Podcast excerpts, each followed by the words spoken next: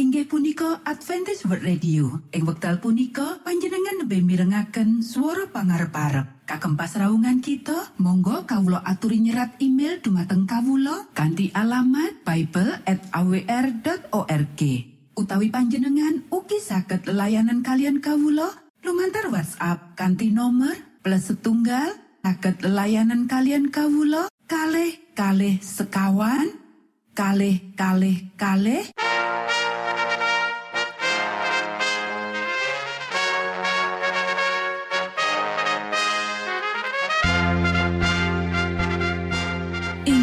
punika Adventist World Radio ingkang giaran kanti basa Jawi. Tentrem Rahayu kula aturaken kagem para mitra kinasih ing pundi papan lan panggonan. Sugeng pepanggian malih kalian Adventist World Radio. Kanti bingahing manah Kulo badi sesarengan kalian poro mitra kinasi. Lumantar saperangan adicara ingkang sampun rinonci. Mligi kagem panjenengan sami. Mugi giaran punika saged migunani tuen dados berkah kagem kita sedoyo. Sugeng midhangetaken Gusti amberkahi.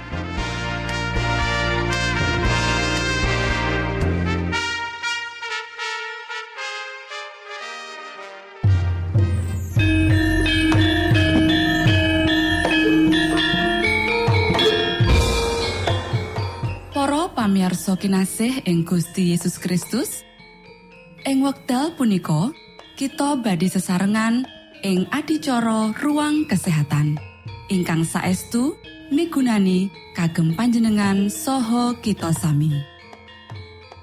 Tips utawi pitedah ingkang dipun aturaken ing program punika tetales dawuhipun Gusti ingkang dipunnyatakaken ing kitab suci. Semanten ugi sakehing seratan ingkang dipun wangsitaken dening Gusti Allah. Nanging saderengipun monggo kita sami midhangetaken kidung pujian.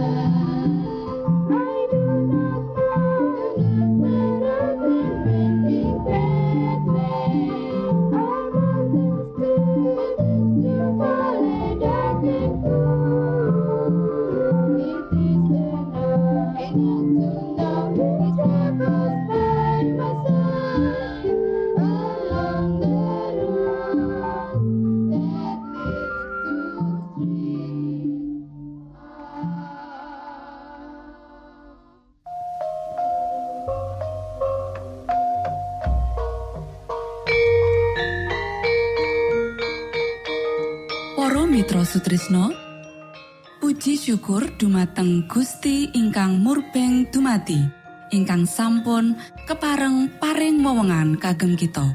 Satemah saged nglajengaken ruang kesehatan. Pirembakan kita semangke kanthi irah-irahan. Daharan ingkang gadai gizi wigati kagem kegiatan intelek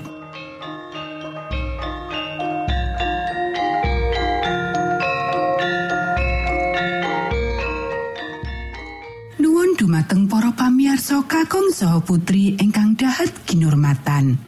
Sugeng pepanggian malih kalian kula Isti Kurnaidi ing adicara ruang kesehatan. Dinten punika kanthi irah-irahan daharan ingkang gadai gizi wigati kagem kegiatan intelek. Para sedherek ingkang kinasih wonten ing Gusti Yesus, Monggo kita maos dawuh pangantikanipun Gusti wonten ing kitab Daniel pasal setunggal ayat wolu. Ono dene Daniel putus ora bakal najisake awak kalawan daharani sang Prabu sarta anggur kang ada diunjuk dening sang Prabu.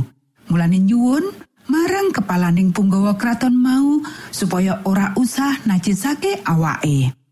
Para sedherek ingkang kinasih, intelekipun manungsa ketah manggihaken pewiaran, kegiatan, kelantipan lan aktif. Menika ketah dipun latih makaryo aurat utawi menika badhe dados ringkih lan boten efisien. Kegiatan otak dipun perloaken kagem menggalih ingkang saestu temen-temen. Kegiatan otak ketah dipun latih kagem ngrampungaken perkawis-perkawis aurat lan ngendaleni.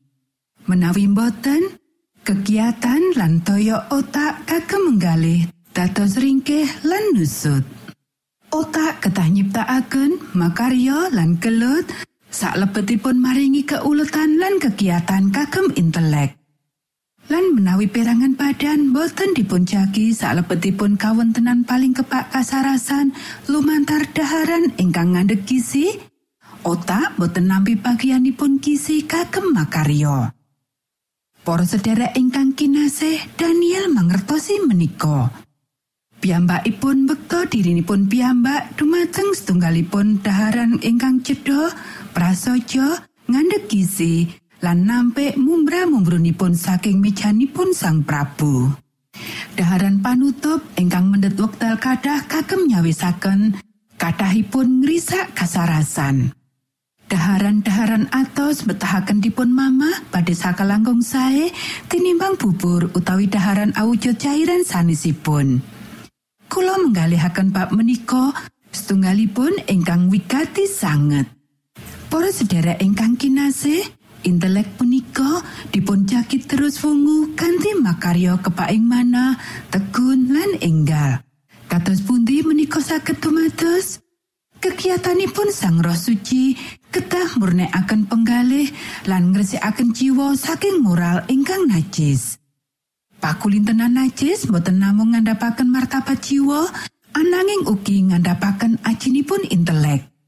Engetan sengsara dipun paringaken sainggilipun mitzvah dasar tindakan-tindakan ingkang nyakitaken. Nalika guru-guru lan para murid badhe misungsongaken jiwa, badan lan roh dumateng Gusti lan murnikaken penggalihipun kanthi miturut dumateng angger-anggeripun Gusti piyambakipun badhe terus kemawon nampi setunggalipun berkah ingkang enggal saking kegiatan badan lan mental lajeng badhe wonten manah ingkang sengsem ngupati Gusti lan pandonga ingkang tegun kagem pangertosan ingkang resik lan kagem mangertosi.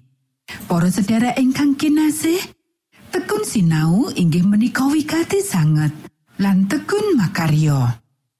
Setunggalipun penggale ingkang seimbang, biasanipun boten dipun panggihaken nalika ginakaken kegiatan-kegiatan badan kagem panglipuran. Makaryo badan ingkang dipun gabungaken kalian latihan mental kagem perkawis-perkawis mikunani inggih menika setunggalipun latihan saklebetipun praktik pagesangan. Asring dipun manisaken dening gambaran ingkang memantes lan melatih penggalih uki badan langkung sae kagem nindakaken pakaryan ingkang Gusti sampun rancang supados kita tindakaken wonten ing maneka warni pakaryan. Kanti mekaten, penggalih dipun didik kagem ngrausaken kawontenan badan salebetipun praktek pagesangan dados kawiyaraken. Lan lumantar budaya ugi latihan, disiplin sae lan dipun piranteni kadah kagem ingkang migunani lan angsal setunggalipun pangertosan ingkang wigati supados ndadosaken setunggalipun pitulungan lan berkah kagem dirinipun pribadi lan tiang sanes. Matur nuwun, Gusti amberkahi.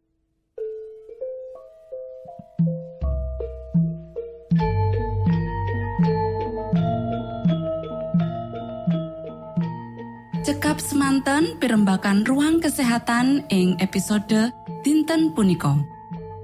Ugi sampun kuatos jalaran kita badhe pinanggih malih ing episode sak lajengipun.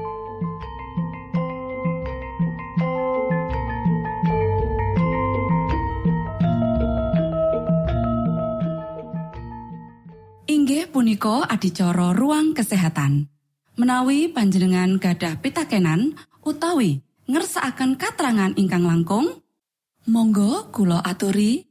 Kinton email dateng alamat ejcawr@ gmail.com utawi lumantar WhatsApp kanti nomor 025 pitu 00 songo songo papat 00 pitu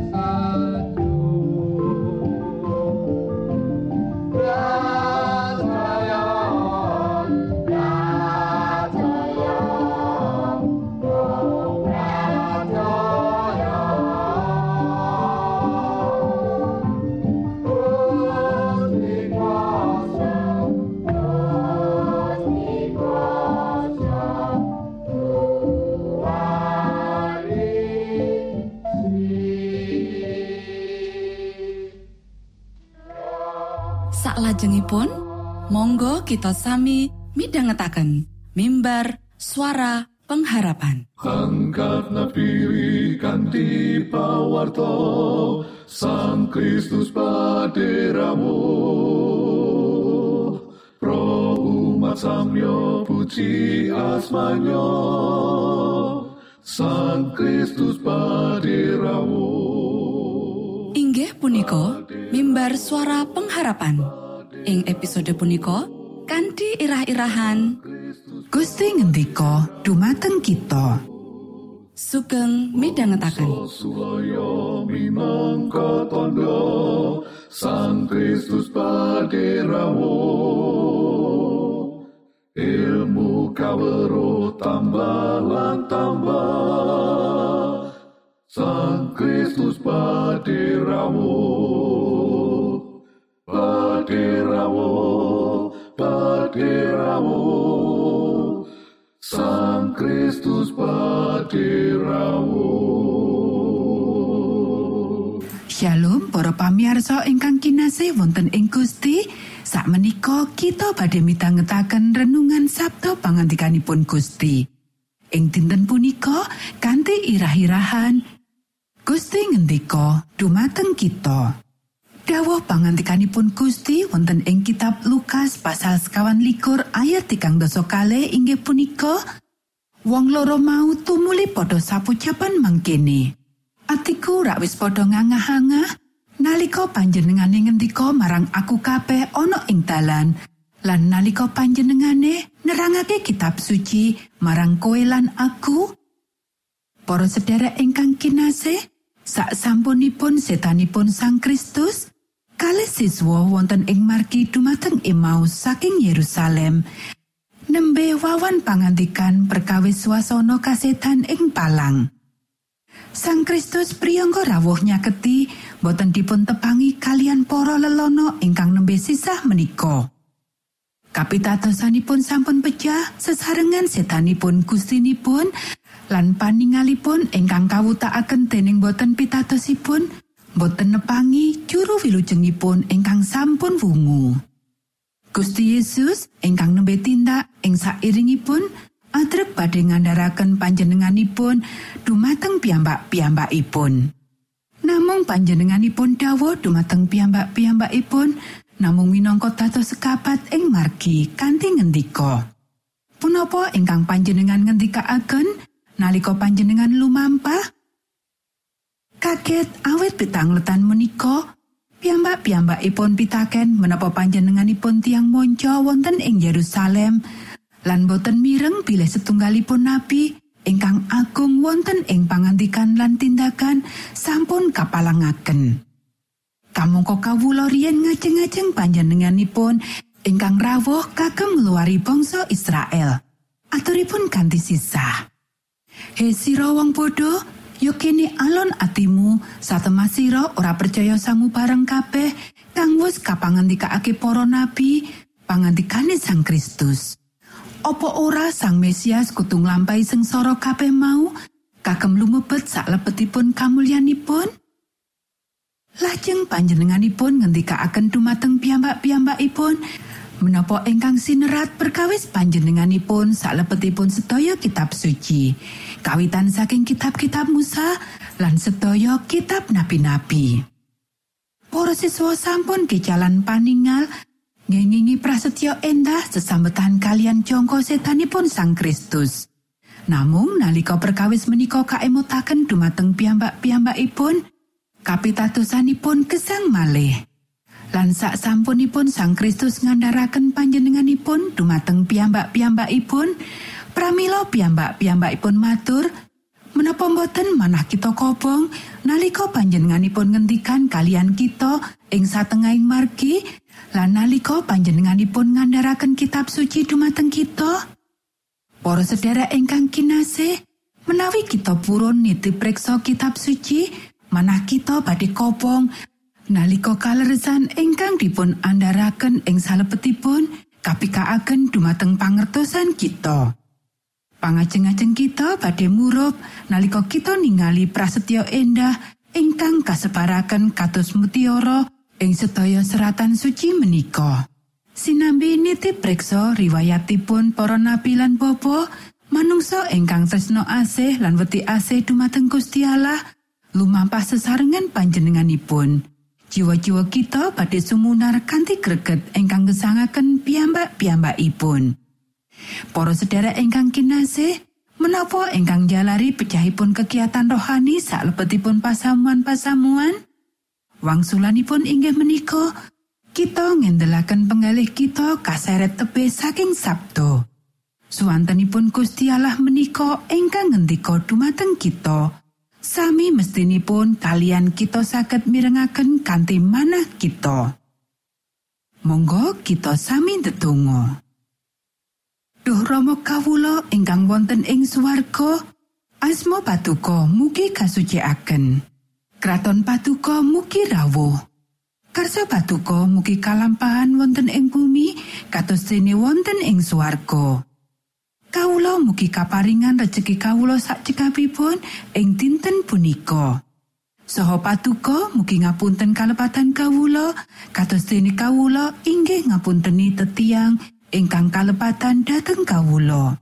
Punapa dene kawula mugi ngantos katandukaken dhateng ing panggoda nanging mugi sami patuko uwalaken saking piawon. Awit dene patuko ingkang kagungan kraton saha wisesa tuwin kamulian salami laminipun. Amin.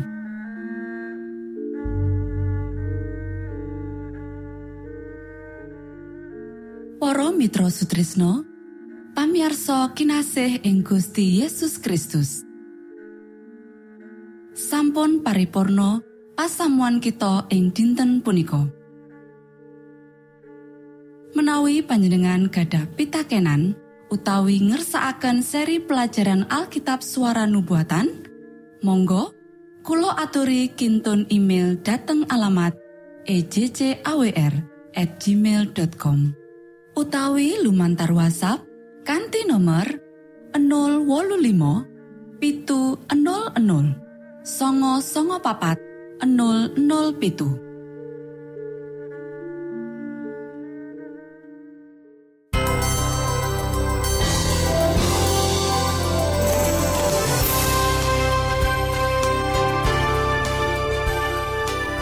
Matur nuwun kagem wektalipun kita badhe pinanggih malih ing gelombang ugi wekdal ingkang sami. Saking studio kula ngaturaken tentrem rahayu. Gusti amberkahi kita sedoyo Maranata